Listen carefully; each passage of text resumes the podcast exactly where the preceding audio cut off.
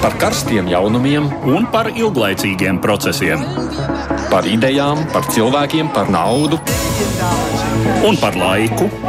Par abām mūsu planētas puslodēm, un lietojot abas smadzeņu puslodes.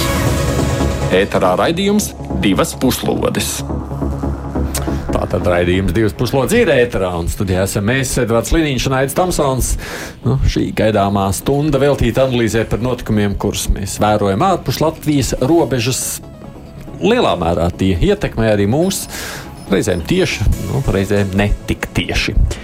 Krievijas agresiju mēs izjūtam ļoti skaudri. Esam raidījumos daudz runājuši gan par kara gaitu, gan par no tās izrietošajām sekām, ekonomiskajām un politiskajām, bet ir vēl kāds aspekts, par ko līdz šim runāts mazāk, proti, reliģiskais. Krievijas politiskā elite ir aktīvi strādājusi, lai savu ietekmi vairotu arī caur Krievijas pareizticīgo baznīcu. Pirmdien daudziem pārsteigums bija Latvijas valsts prezidenta paziņojums par izstrādātu likumprojektu, kas ļaus mazināt Maskavas ietekmi Latvijas pareizticīgajā baznīcā. Kas tad raisa bažas? Kā tad izpaužas Maskavas ietekme garīgajā sfērā un kas šajā ziņā notiek citvietā pasaulē? Šajā raidījumā grasāmies itin daudz laika veltīt Krievijas pareizticīgās baznīcas lomai ārpus Krievijas robežām.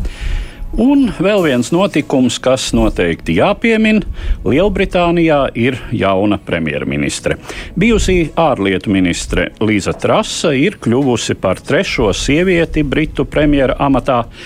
Ko mēs par viņu zinām un ko varam sagaidīt Lielbritānijas politikā viņas vadībā?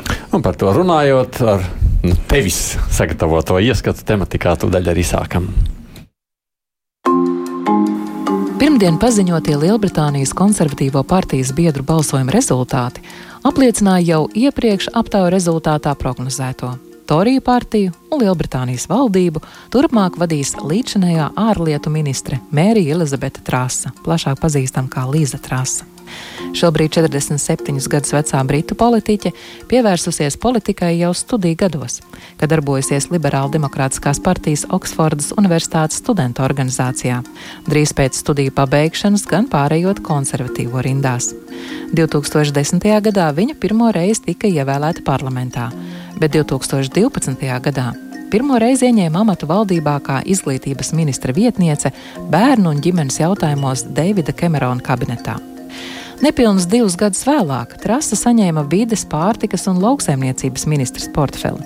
Pirms referenduma par Lielbritānijas izstāšanos no Eiropas Savienības Trasa iestājās pret Brexitu, taču pēc referenduma iestājās tā īstenošanā un 2016. gada jūlijā kļuva par tieslietu ministri Terēzes Mejas pirmajā kabinetā. Sekoja valsts kases virssekretārs, respektīvi finanšu ministra biedrs amats otrajā meijas kabinetā. Tad starptautiskās tirzniecības ministrs portfels pirmajā un otrajā Borisa Džonsona kabinetā. Bet pagājušā gada septembrī Džonsonam beidzot kabineta pārstruktūrēšanu, ārlietu ministrs amats. Konservatīvo partijas līdera vēlēšanās pēc Borisa Džonsona demisijas Trasa ar 57% partijas biedru balsu pārspēja savu agrāko kolēģi, bijušo finanšu ministru Rišiju Sunaku. Jaunā premjerministra jau pabeigusi sava kabineta formēšanu. Valsts kases kanclera, respektīvi finanšu ministra amatu ieņems premjerministrs vienaudzis un ilglaicīgs politiskais līdzgaitnieks Kvazī Kvartengs. Premjerministres vietniece un veselības sociālās aprūpes ministre būs līdzinējā darba un pensiju lietu ministre un trases kampaņas vadītāja Terēza Anna Kofija.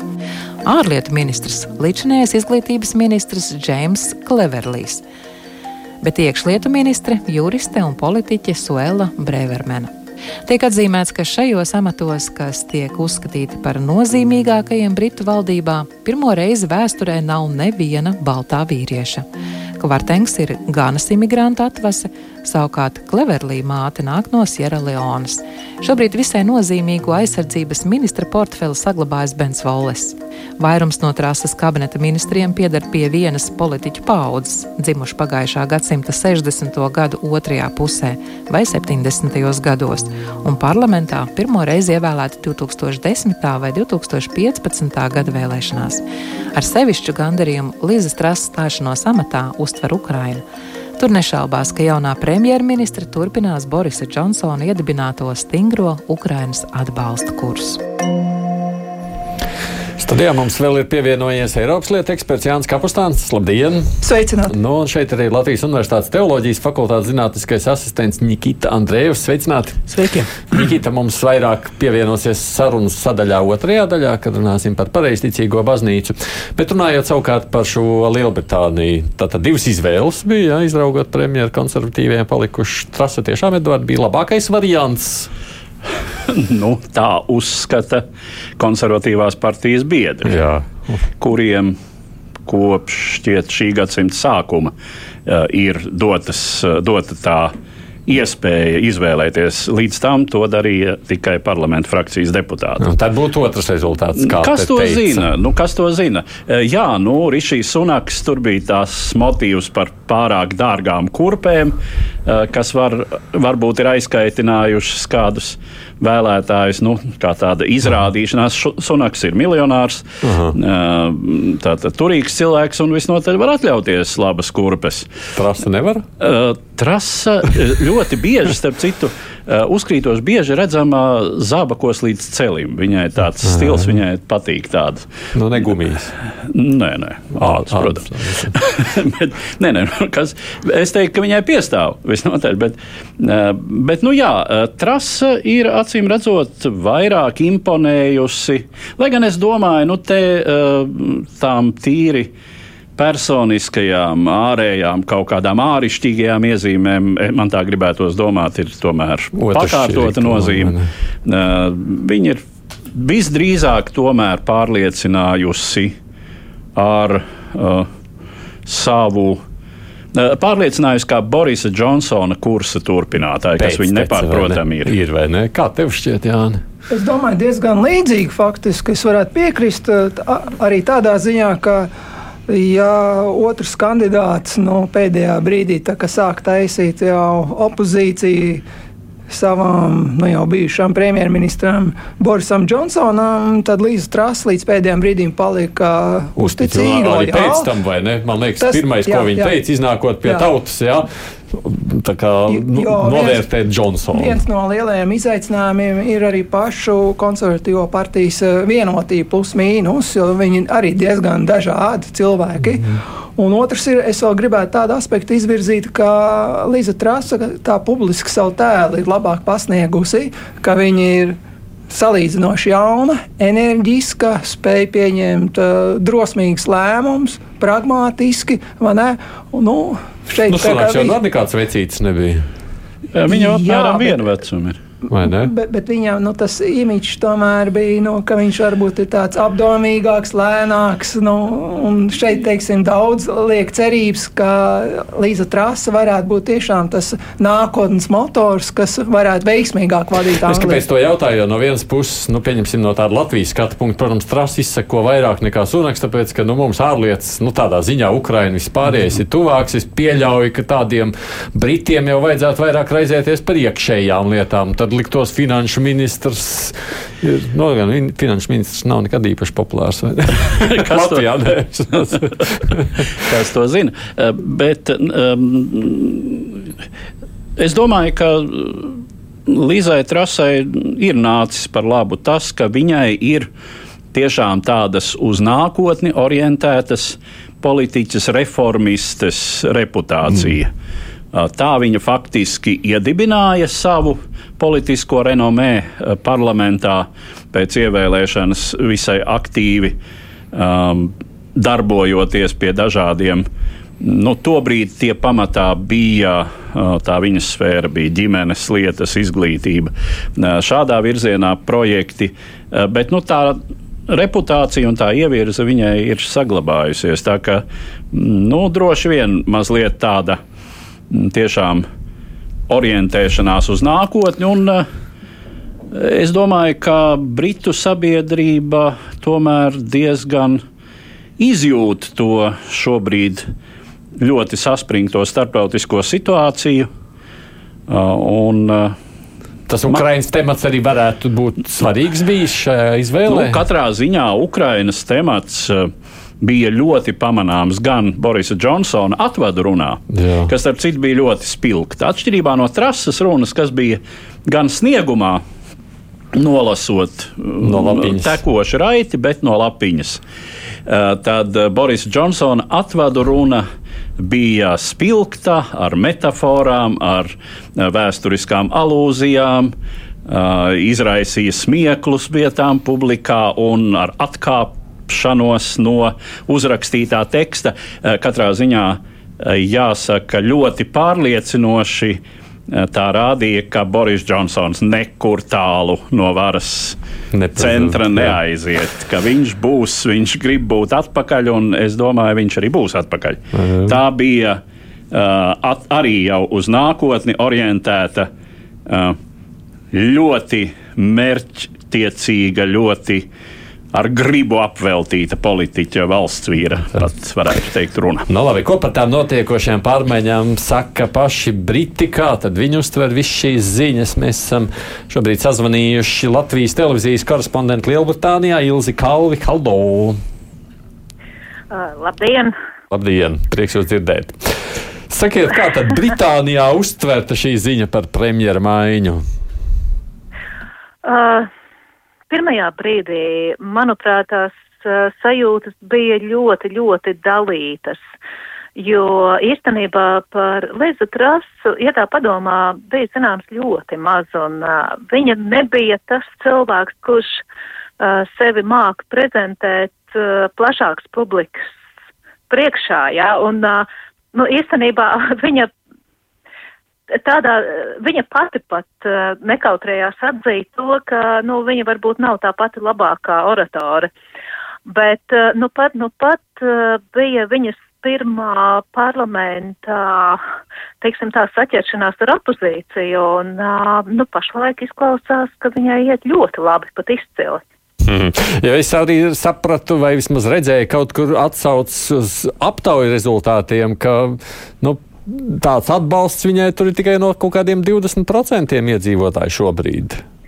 Viņai izskatās, nu, redzēsim, kas būs, jo, jo tas, tas sākuma moments viņai bija ļoti, ļoti, kā lai saka, nu, viņa vienkārši nebija populāra, nebija īpaši, ne, it kā zinām jau bija, nevarētu teikt, ka viņa nebija zināma, jā, bet viņa nebija, viņai trūka Džonsona popularitātes vai, uh, nu, kā lai saka, čārma. mm -hmm. tieši, tieši tāpēc pat konservatīvās partijas biedri, uh, kad es biju pagājuši nedēļu Londonā filmēt uh, pēdējo teiksim, tā cīņu ar konkurentu par premjera krēslu, arī ļoti daudzi konservatīvās partijas biedri man teica, ka, ai, nu kāpēc Boris Džonsons nometa, Boris Džonsons vajadzēja atstāt, un man viņš patika, un es ceru, ka viņš atgriezīsies.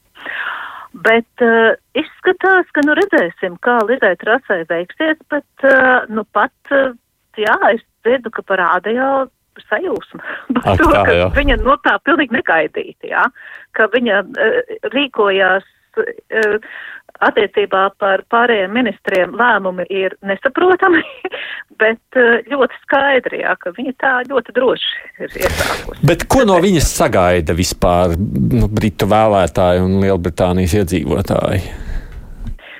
No nu, tiem vēlētājiem eh, Britiem pašiem tur grūti pateikt, ja viņi pagaidām lielākā daļa viņi vēl lamā redzēs, kā tas beigsies, jo nu pat grasās pasludināt, es tā sapratu, ka laikam pat šodien būs uh, lēmumi par, par elektroenerģiju un gāzi. Redzēs, kas tur būs tagad. Mm -hmm. Un tas ir tas viens no būtiskākajiem. Ja? Visi gaida, kā tiks risināta sākotnēji šī krīze, ja? kāda izveidojusies. Jā, jo ļoti grib, nu, protams, visi grib, lai būtu mazāk nodokļu ar dažiem izņēmumiem, jā. Uh, grib, protams, lai elektroenerģijas, lai vispār enerģijas cenas neceltos. Un uh, iespējams, ka viņa uh, neļaus celt cenu, bet nu redzēsim, ko viņi izdomās, jo viņi ir sasolījis ļoti daudz lietas. Mm -hmm. Vai viņi to izdarīs, tas ir jautājums, protams. Nē, nē. Labi, paldies, Ilze, par sarunu. Ilze Kalve, kas ir Latvijas televīzijas korespondente Lielbritānijā. Kas būs tie lielākie izaicinājumi? Jā, es varētu minēt vesels astoņus izaicinājumus, tad es tā ļoti ātri katru nosaukt. Tad numur viens izaicinājums, protams, ir šī cenu celšanās dārdzība. Un šeit eh, bez varbūt tādām detaļām Līza Trasa jau bija paspējusi pateikt, ka viņi tā kā risinās.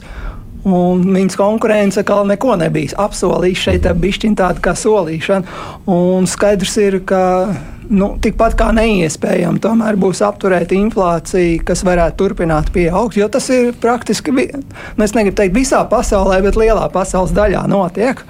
Otrs viņiem ir sasāpējis problēma ar Nacionālo veselības sistēmu, īsti netiek galā. Ko viņi tā kā pateiks, ka tā būs viņas prioritāte vai ne vakardienas tajā pirmajā runā? Jā, nu, tātad es šeit ātri vēl uzskaitīšu vēl šos te izaicinājumus. Tad trešais, protams, būs jautājums par atbalstu Ukrainai, un šeit tas kurs varētu turpināties un droši vien ieročus vēl dos. Ceturtkārt, eh, apvienot sašķelto konservatīvo partiju, jo tie flangi ļoti dažādi. Un pirms Džonsona, kad bija premjerministra Terēza Meija, tad tieši jau Džonsons kopā ar daudziem kolēģiem torpedēja savu, savus nu, mhm. partijas līderus vadīto valdību. Tālāk, vēl viens ļoti sāpīgs jautājums būs Ziemeļīrijas protokols. Tātad vienkāršot sakot, ir pašlaik muitas robeža starp Ziemeļīriju un pārējo Lielbritāniju, kas no Lielbritānijas viedokļa liekas absurds, nepieņemam, bet tā bija cena, lai neieviestu īstu robežu kontroli starp Ziemeļīriju un Īrijas mm. republiku. Un tā ir baigā dilēma, bet nu, tāda vienošanās ar Eiropas Savienību bija noslēgta. Ne, lai īstenot Brexit. Jā, jā. Un ļoti sarežģīts jautājums būs Skotija. Tātad Skotija Skotijas eh, vietējā līdere vēlās sarīkot jaunu referendumu par Skotijas neatkarību jau nākošais gads, 2023. gadā. Oktobrī šogad augstākā tiesa lems par šo referendumu, un, ja mēs paskatāmies iepriekšējos līderus, Terēzu Mēju un Boris Džonsonu, viņi jau pirmajās dienās jau devās vizītēs uz Skotiju, kas rāda, cik tas ir nopietni. Jo Skotu tā dilēma ir, ka viņi lielākā daļa pārliecinoši gribēja palikt Eiropas Savienībā. Lielbritānija kā vairākums teica, ka aiziesim, ne, un tā ir tā pretruna. Un, protams, vēl septītais, un varbūt priekšpēdējais tāds izaicinājums ir, ko darīt ar mērķi līdz 2050. gadam apturēt piesārņojošās gaisa izmešus, nu tad palielināt atjaunojamos resursus, bet tie dārgi maksā. Tagad inflācija, tas īsti tagad. Nu, tas būs Būsim godīgi, tas jā. īsti neiet kopā. Tas nav īstenojums pašlaik, pašreizajā situācijā. Nu, un vēl pēdējos tomēr atļautos pielikt Ķīnas izaicinājumus, jo Lielbritānijai pēdējā kolonija bija Hongkonga. Kad deva suverenitāti pilnīgā Ķīnas kontrolē pār Hongkongu, bija šis te termiņš nosacījums uz 50 gadiem. Tātad no 96. un 97. gada uz 50 gadiem nemainīt Hongkongas eh, noteiksim, tādu pašnoteikšanos, ekonomisko statusu un politisko iekārtu. Nu, mēs redzam, ka Ķīna ir pamatīgi pārkāpusi, un Lielbritānija būtībā neko nespēja ne, izdarīt. Neko nevar, tas ir pļauka Britiem. Jā, jā.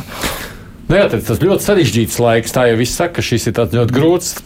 Nu, tādai ne, nu, nešarmantai, kā sacīja Kalniņš, nu, premjerei, tagad pārvarēt vai ne, un dabūt arī sabiedrības atbalstu. Jā. Jā, nu, protams, ka mm, Līzai Trasē būs grūti sacensties ar harizmātisko Borisu Džonsonu. Nu, kurš gan sabojāja ļoti daudz ko nu, savā nu, jā, tā bija medaļas otrā puse, eh, kura varbūt Līzai Trasē.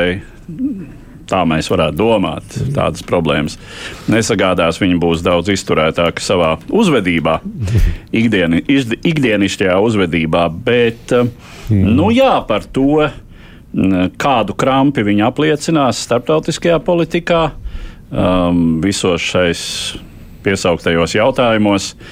Um, bet nu, tur, ir, tur ir arī Borisa Džonsona diezgan dziļi iebraukta sliede. Bet par šo Borisa Džonsona sliedu un tīpaši ap Brexit. Jo, nu, Kā jau te ierakstā tika teikts, vai ne? Tad pirms Brexita viņa aicināja balsot pār. Pēc tam viņa mainīja domas, un apmēram ne tikai mainīja domas, saprata, ka viņa teiks, jā, nu, ka tā tomēr ir bijusi kļūda. Viņa uzskata, ka ir pareizs Brexits. Bet uh, viņai tās domas šur tur ir kaut kur mainījušās viņas tajā politiskajā mm, tajā dzīvē. Un tas jautājums man, skatoties uz to, un man šķiet, es arī saklausu kādās britu ielu intervijās, sakot, hmm, vai viņa nav tāda, es aizmirsu, kā to vārdu sauc. Jā, jā, kas izmanto situāciju politisko tikai, nu, tā, tā ir labāk, nērtāk vai populārāk, tad, tad maina Nu, savus nu, tas uzskatus. jau ir lielais politikas jautājums. Cik politiķim ir jābūt elastīgam savos uzskatos, sekojot sabiedrības pieprasījumam? Eh, Jo nu, politiķis nevar citādi kā uzklausīt sabiedrību. Pretējā gadījumā viņš zaudēs savu pozīciju. Nu, bet- ir grūti pateikt, pieņemsim, Bet, cik protams, nu, jā, nu, te, te ir te ļoti grūti. Un jau pieminētais eh, faktors, ka Anglijā eh, savā vairākumā nobalsoja par izstāšanos, kas noteica arī Lielbritānijas izstāšanos kopumā, jo Anglijā ir lielākais iedzīvotāju skaits.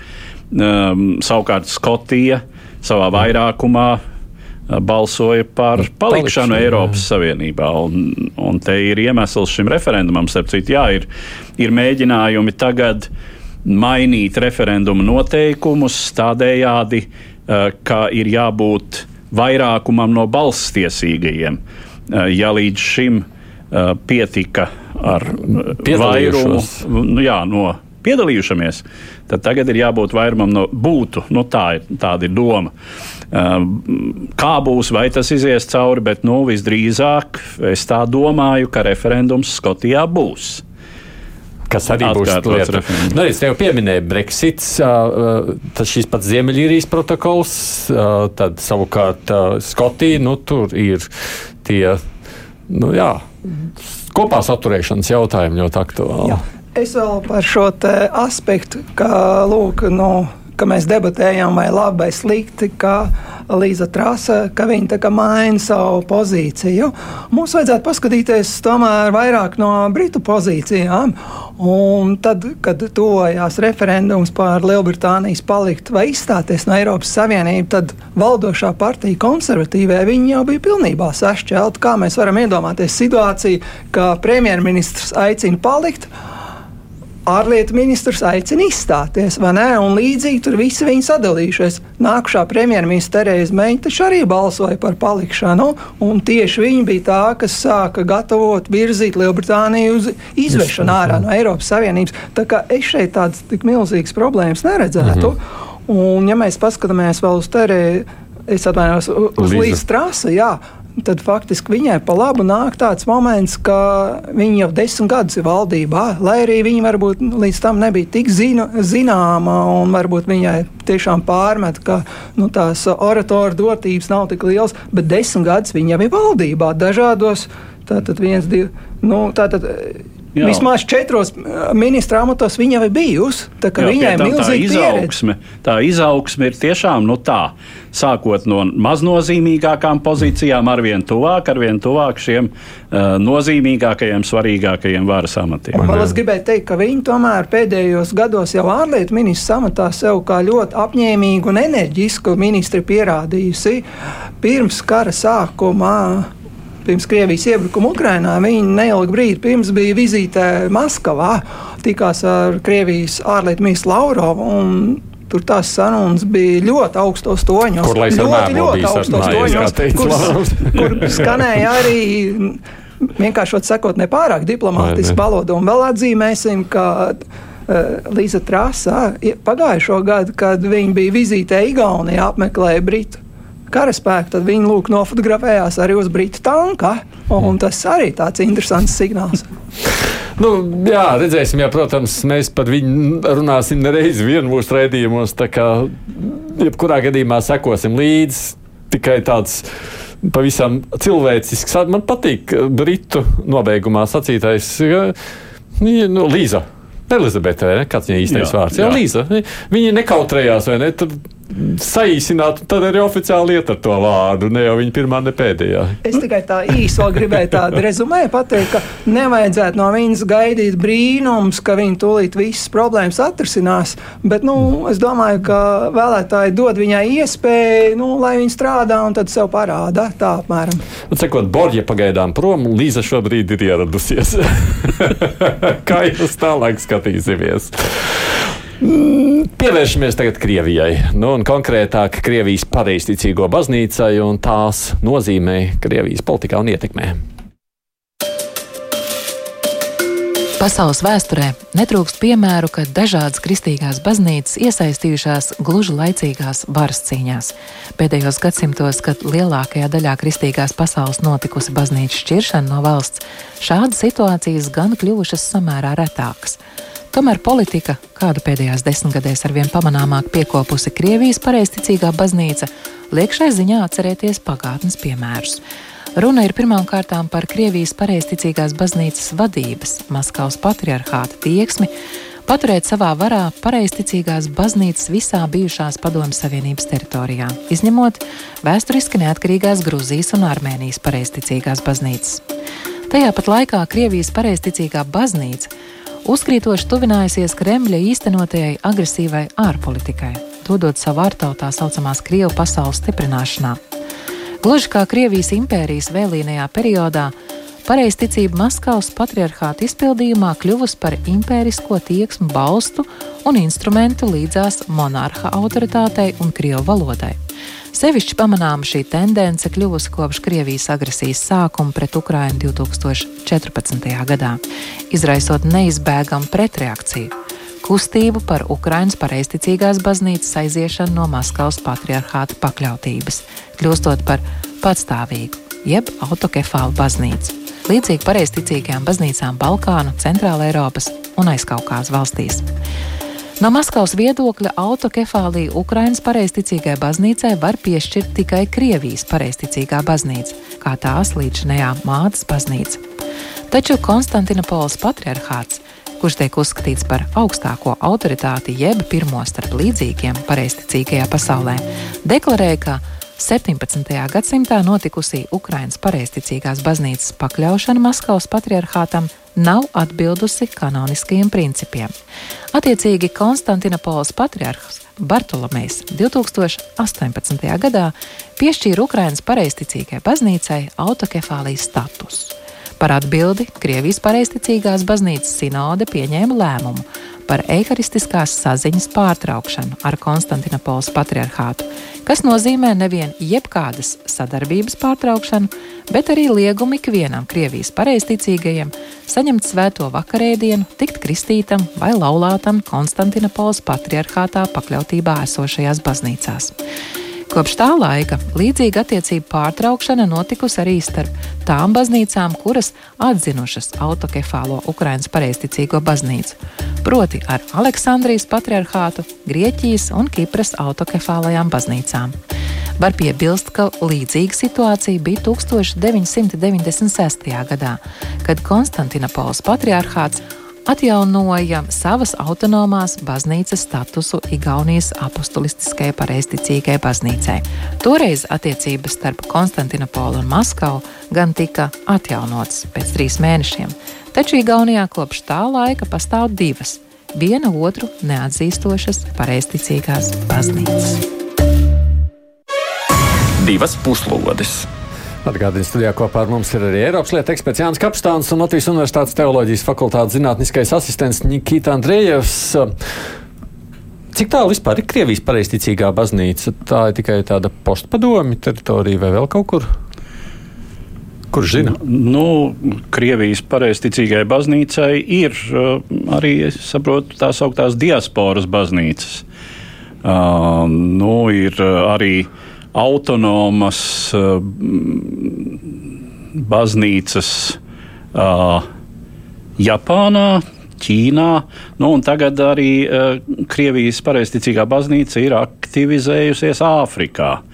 Uh, kas ir uh, Aleksandrijas patriarchāta tradicionāla teritorija, Un tur ir arī tāda rīvēšanās šobrīd. Nu, labi, viņi misionē vai ne? Kaut kā tā. Nu, jā, nu, te var piebilst tikai to, ka uh, pēc. Uh, apvērsuma, padomu apvērsuma Krievijā izveidojas arī tāda struktūra, ka Krievijas pareizticīgā baznīca ārpus Krievijas, līdzīgi kā mums ir Lutāņu baznīca ārpus Aha. Latvijas. Viņi tas arī 90. gados apvienojas atkal kopā. Vienojās, ka tas tagad viss ir Maskavas patriarchāts, bet principā daudz kur Eiropā un citiet pasaulē ir draudzes, kas pieder Maskavas patriarchātam.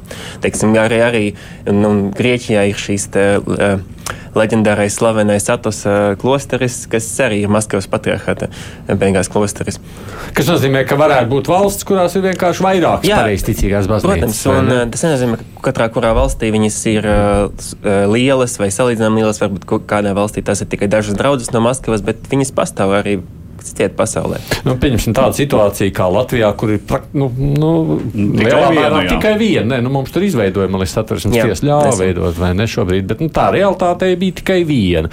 Tās tad ir tad bijušā padomju savienības teritorija. Principā jā. Principā, jā. Un kas notiek Balkānos?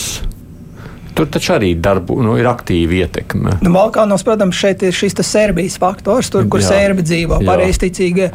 Un... un Serbijas pareizticīgie ir kādi? Autokefāla baznīca. Viņi nav Krievijas pareizticīgā baznīca. Nē. Bet viņi ļoti kaut kā viens otru Jā, mums jāskatās, ka, protams, šeit ir arī atšķirības starp eh, Krievijas pareizticīgo baznīcu un, piemēram, Grieķijas pareizticīgo baznīcu, piemēram, jautājumos, kad Ziemassvētks svinēt. Tā kā šeit ir šīs atšķirības. Tas jā, jā, bet ne, tādā ziņā ir tā, ka kādās valstīs tie pareizticīgie labāk saprotas nekā citās. Es vienkārši neesmu tik zinošs. Man tās baznīcas lietas. Nu jā, nu te, te ir divi jautājumi. Viens jautājums ir par to, kā viņi oficiāli līmenī teorētiski saprotās, un, te, un praktiski tas nozīmē, ka nu, teiksim, Konstantinopolē un Maskavai nav šīs, šī, šī um, komunija, šī kopība, ko, ko tieši runāju šajā ierakstā, pirms mēs te sākam runāt. Un otra lieta ir praktiskās attiecības. Praktiski iespējams cilvēki, kas ir pareizticīgi no dažādām kopienām, ne, ne, nav tā, ka viņi obligāti viens otru ienīst vai nu, jā. ir kaut kādā cīņā savā starpā. Kaut arī šis noteikti šīs karš eh, ir un pirms tam šī. šī situācija ar Ukraiņas baznīcu ir izraisījusi strīdus un konfliktus. Un es atceros, es lasīju tos komentārus, kur cilvēki kaut Grieķijā, kaut kur dzīvojot, ir pieraduši nākt uz uh, Grieķijas baznīcas. Maskavas patriarchāta pareizticīgi ir pieraduši nākt uz Grieķijas draugu, tāpēc, ka vienkārši viņiem tas ir tuvāk, ērtāk un viņi ir pieraduši. Un tagad viņi, uh, viņi nedrīkst, viņiem ir jābrauc uz kaut kādu uh, samērā attālu vietu, lai vienkārši piedzīvot savu, savu reliģisko, savu ticību. Jā. Es nezinu, cik tas ir, cik tas ir adekvāti, bet nu, faktiski šāda eharistisko attiecību pārtraukšana nozīmē, ka te jau Maskavas patriarchāts vairs neatzīst Konstantinopolis un attiecīgi tur Aleksandrijas patriarchā, patriarchātus par īsti pareizticīgām baznīcām. Tas ir labs jautājums. Es domāju, ka viņi joprojām atzīst viņus par īstām pareizticīgām baznīcām. Vienkārši viņi uzskata, ka Konstantinopoli un citi, kas to atbalsta, ir inicējuši, schizmu. Uh, šķelšanos baznīcā, un tāpēc viņi e, attiecības sarauj. Es nedomāju, ka viņi vairs neatzīst to, ka tie ir īstie pareizticīgi. Tas, ir, e, tas nav teoloģisks, tas ir vairāk šis eklezioloģiskais, ja baznīcas iekārtas jautājums. Nu, protams, ne, es nevarētu sacīt tā, varbūt viņiem vajadzēja uztaisīt divas dažādas konfesijas. Nu, sakot, vieni pareizticīgie, un otri ir. Nu, Tas būtu Pareiz, tā kā 11. gadsimtā.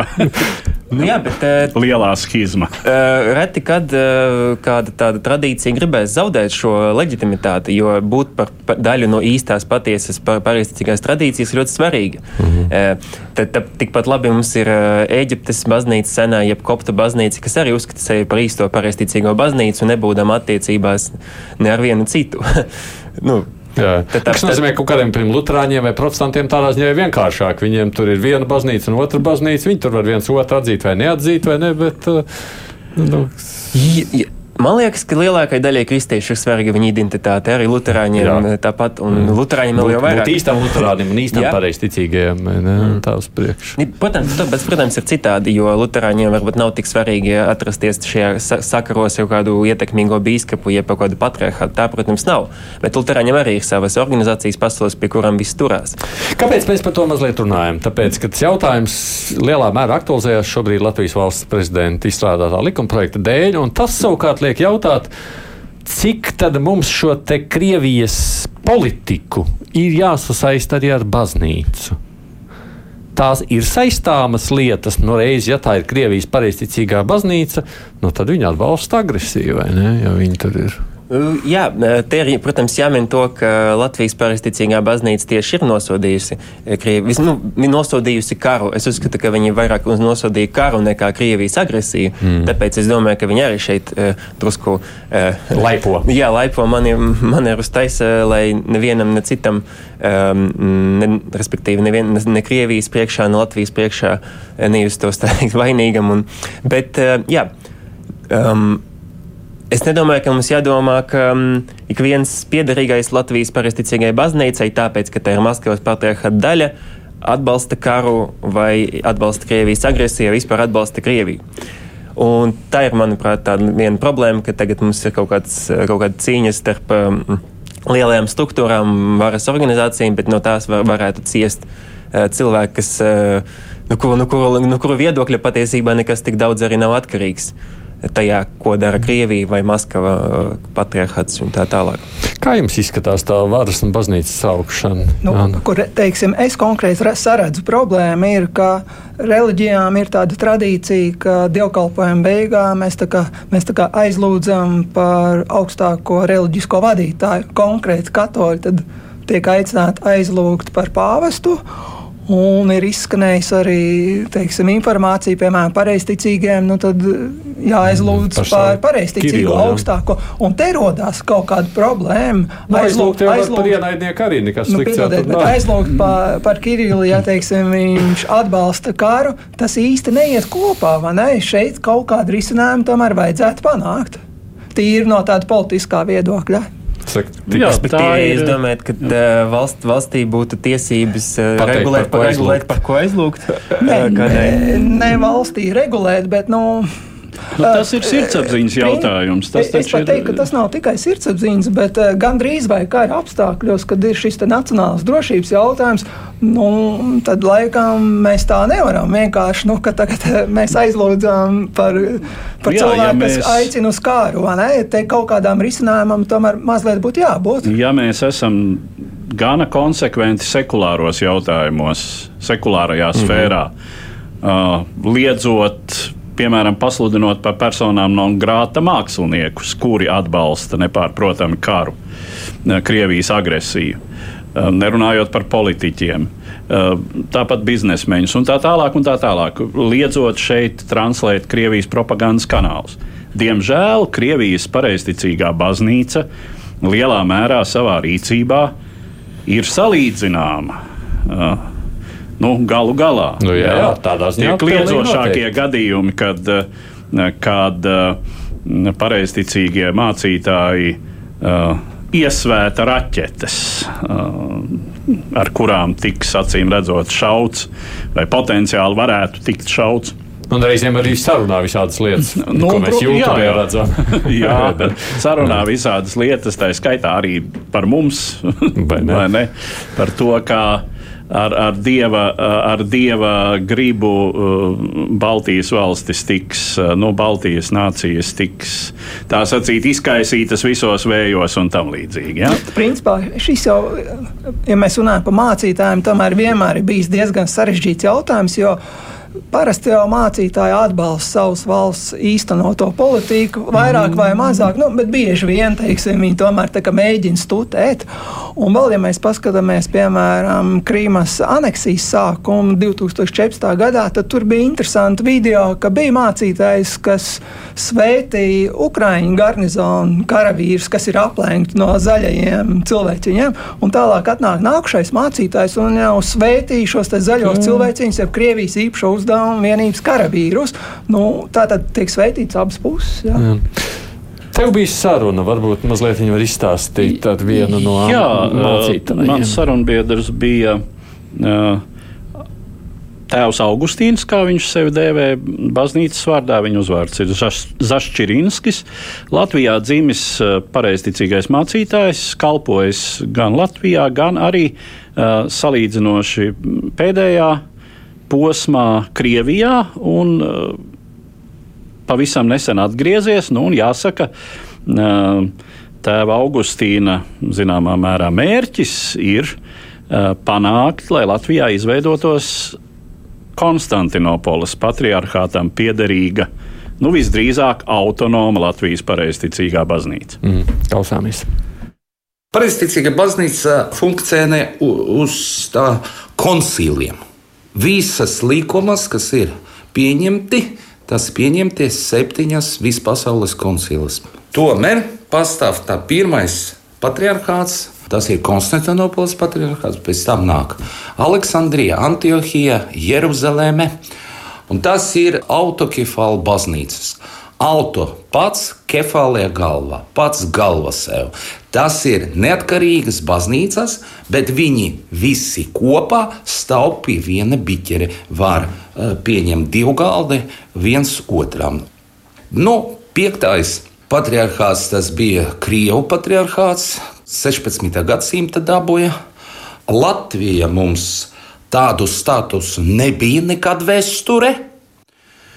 Tikai 36. gadā, 9. martā, koncila bija pieņemts, ka Latvijas Pareizticīgā baznīca, atrastama suverēna Latvijas valstī, atrodas kanoniska saistībā ar Svēto apustuliskā oikumīniskā, tas ir vispasaules Konstantinopolis patriarchāta katedrē. Un otrs punkts, tas bija, ka Latvijas Pareizticīgā baznīca ir autonoma. Autonoma tas ir pišķiņ savādāk, tu neesi neatkarīgs. Pilnīgi, jo tev ir Kirijāra baznīca. Partulkot no grieķu valodas, Kirijs tas ir valdnieks, valdoša baznīca. Mums līdz okupācijai valdoša baznīca bija Konstantinopola.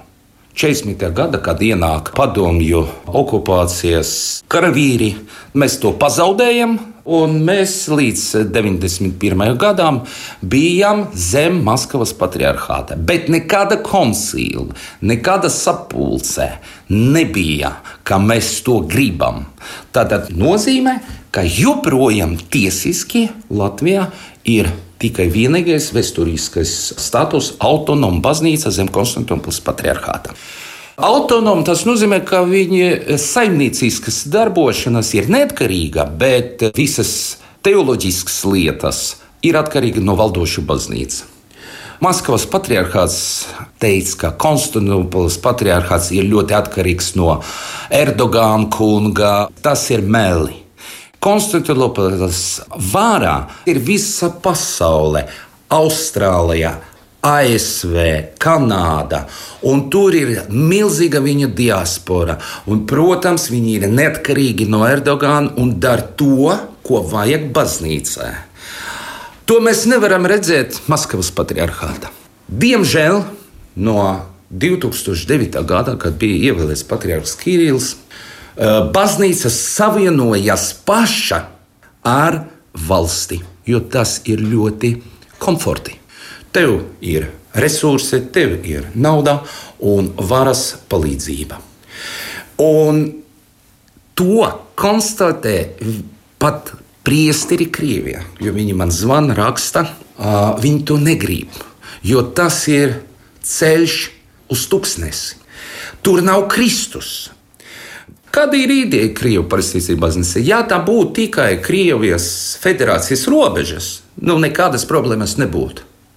Bet apetīti Maskavas patriarchātā ir visa bijušā PSSR teritorija. Pēdējo mēnešos bija ļoti negatīvā situācijā Afrikā. Maskavas patriarchāta uzdibināja tā saucamo Krievijas baznīcas ekzarhātu Afrikā. Tas ir filiāli. Nekad tas nebija, jo vēsturiski viss Afrikas kontinents ir zem Aleksandrijas patriarchāta, un tu nevari darboties bez Aleksandrijas patriarchāta atļaušana. Maskavas patriarchāts, eh, Krievijas pareizticīgā baznīca, viņa atnāk tur kā trakie sūņi. Tas bija vārds no Aleksandrijas patriārha Teodora, un viņš konstatēja, ka tas ir uzbrukums. Es domāju, ka tagad ir um, sagatavošanas process, lai būtu viens atbildes no visas pasaules pareizticībā par to uzbrukumu Afrikā. Bet es domāju, ka ar Dievu palīdzību un gudru valdību uh, starp visiem pārējiem pareizticībiem mēs to uzvarēsim. To rada Ukraina. 30 gadi bija tas augstais raskols Ukrainā, šķelšanas. Šķelšana nebija teoloģiska. Tas bija tikai vāra šķelšana. Un 30 gadi Konstantinopolis patriarhs gaidīja no Maskavas patriarchāta, ka šī brūce būs izveseļota. Un 18. gadā vispasaules patriārhs Bartolomēs pieņēma vienīgi pareizi risinājumu un iedeva Ukraiņu pareizticīgai baznīcā autokefāli. Un tagad pamazām, lēni, protams, ar problēmām izveseļošanas ir. Un tas palīdz Ukraiņu tautai cīnīties tālāk. Vajag padomāt arī mums visiem, ne tikai pareizticīgiem, kas dzīvo šeit, Latvijā, bet arī citiem konfesijām, labas gribas cilvēkiem. Kas mums ir Latvijā? Vai mēs tiešām tagad varam pateikt, ka esam no okupācijas aizgājuši? Es domāju, piemēram, pareizticīga jautājumā, ne. Joprojām ir okupācija. Jā, nu interesants tas viedoklis tajā visā. Ir kādi komentāri? Jā, es teiktu, ka mm, vienīgais, ko es varu šajā viedokļā noteikti atzīmēt, un es neizstāvu Krievijas pareizticīgās baznīcas pozīciju par karu, es neizstāvu tās pozīciju par Ukrainas baznīcu, bet šis ir ļoti mm, emocionāls un agresīvs viedoklis savā ziņā arī pret uh, visiem Krievu pareizticīgiem tādā kopumā. Mm. Jo te izskan tāda arī mm, pārliecība, ka uh, Krievijas, uh, Latvijas pareizticīgā baznīca, kas šobrīd ir Latvija, tās pastāvēšanu Maskavas patriarchāta var pielīdzināt okupācijas uh, turpmākajai pastāvēšanai. Un es ļoti gribētu, ka mēs šīs lietas cienot reliģijas un uh, valsts um, kaut kādu nodalītību tomēr arī nošķirtu drusku. Ka mums ir iespējams ietekmes organizācija, kas eh, rai, uh, raida šo Krievijas ietekmi arī Latvijas teritorijā, bet Krievijas vai Latvijas pakristīgā baznīca neokupē Latviju. Uh, tā nav okupācijas vara noteikti. Es par to nu, kaut kā šo pašu Āfrikas piemēru. Nu, no vienas puses, skaidrs, baznīca var mēģināt izplatīt savu ietekmi, un droši vien to viņas arī nodarbojas, jebkura baznīca vai ne. Bet no otras puses, nu, kā mēs sakām, tā, tā tur jau ir viena jau pareizticīgo baznīca, bet tad nāk nākošā un mēģina spiest to ārā vai iespiesties iekšā. Tur ir vai nav politika tajā visā? Kāpēc tas vispār ir vajadzīgs baznīcai, kur jau ir jau pareizticīgi? Jā, nu, tu jau tā arī teici, tu, ka, ja izplatīt ietekmi ietekme, kas tad, kas tad cits ir politika, nekā izplatīt savu ietekmi. Un, uh, Ne, es domāju, šajā reizē nevis kaut kāda tāda reliģiska, misionāriska politika, bet tīri nu, putiniska nu, politika, tāda veida politika. Mm. Šovinistiska politika, varbūt pārākuma politika. Tādā ziņā, jeb, tādā ziņā jebkurai konfesijai ir pārliecība par savu pārākumu pret citu. Nē, es noteikti uzskatu, ka Krievijas pareizticīgā baznīca izplata Puķina ietekmi pasaulē. Simt mm. punktu. Vienīgi vai, vai tiešām ik, ik, viens, ik viena viņas daļa tagad ir kaut, kāds, kaut, kāds, kaut kas tas, un vai, vai tiešām mums ir jāantagonizē tagad uh, Latvijas, nu, Latvijā protams. dzīvošos pareizticīgos ar šā, šādiem dažādiem lēmumiem un uh, rīcību. Jā, nu, neviens ik viens, kurš sev uzskata par pareizticīgo, protams, nesaka, ka viņš tāpēc ir Putina pārstāvis. Jā, bet nu, no otras puses Latvijā esot aktīvam pareizticīgajam ir uh, diezgan grūti sevi šobrīd nošķirt uh, no šīs agresijas atbalstīšanas. Ja to nav skaidri pateikusi Latvijas pareizticīgā baznīca, un tā joprojām atrodas šai kanoniskajā saitē ar sasaistē ar Maskavas patriarchātu, kas agresiju nepārprotami atbalsta.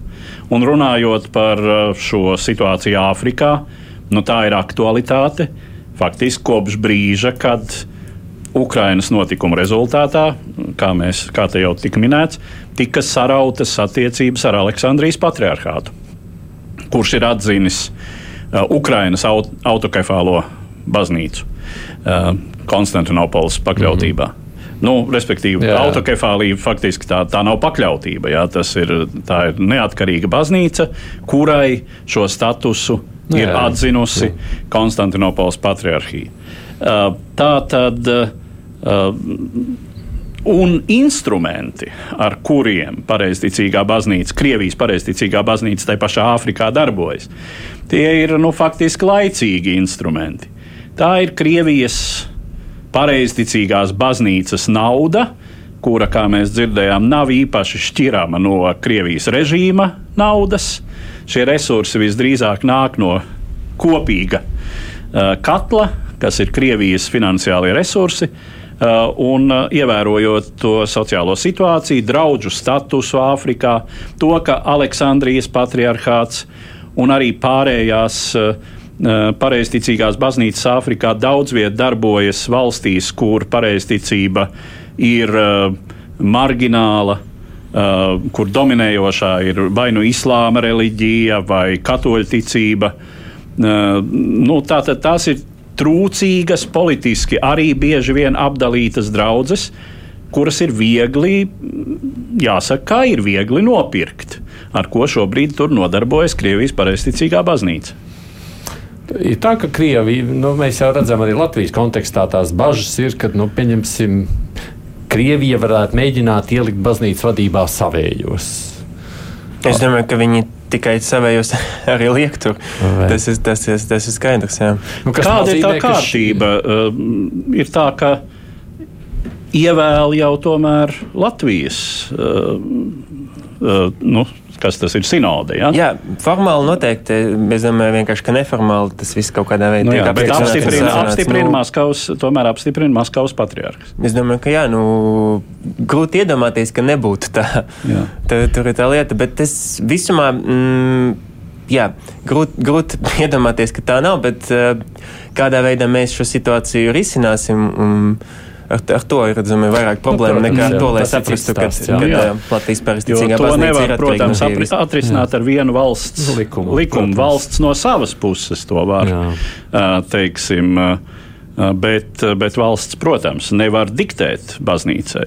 Bet, redziet, baz, valstī, jeb Krievijas varai, Kremlim ir izdevīga tāda baznīca, kur to var izmantot savā veidā, lai ies- izmēģinātu nu, tā kā stiprināt ietekmi. Noteikti, jā. Jā. Pie kam, nu, te ir, protams, jautājums par šo Latvijas pareizticīgās baznīcas arī vēsturisko statusu.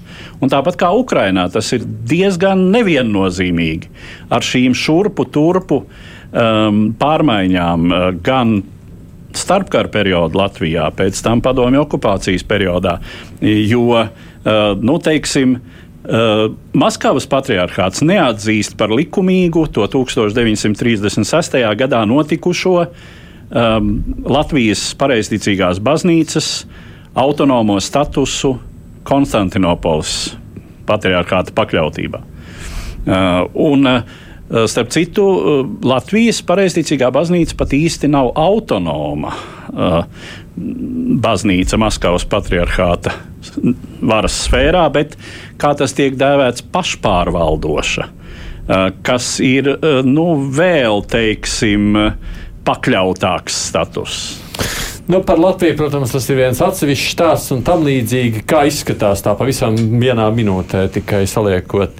Ir tā, ka tā Krievijas pareizticīgā baznīca turpinās, kā izskatās plēsties pasaulē. Nu, tādā ziņā mēģinās to ietekmi izmantot. Noteikti, noteikti mēģinās noteikti dara to, to tagad. Un ar to Ukrainas, tas Ukrainas jautājums arī paliks aktuāls. Un tā jautājuma arī daudz, nu, Krievijas paristicīgai baznīca ir atbalsts no dažām citām autokefālām baznīcām Ukrainas jautājumi, jo daudzi joprojām uzskata to par uh, kaut schizmas īstenošanu no Konstantinopolis puses. Mm. Un tas ir tāds moments no, no pareizticības. Š- Šķelt baznīca ir ļoti, ļoti nepareizi daudzu pareizticīgu acīs, neskatoties uz to, kādas ir, kādi ir apstākļi šajā jautājumā. Un, un, jā, tāpēc, uh, Un tā šķelšanās šķiet tikai pieaug.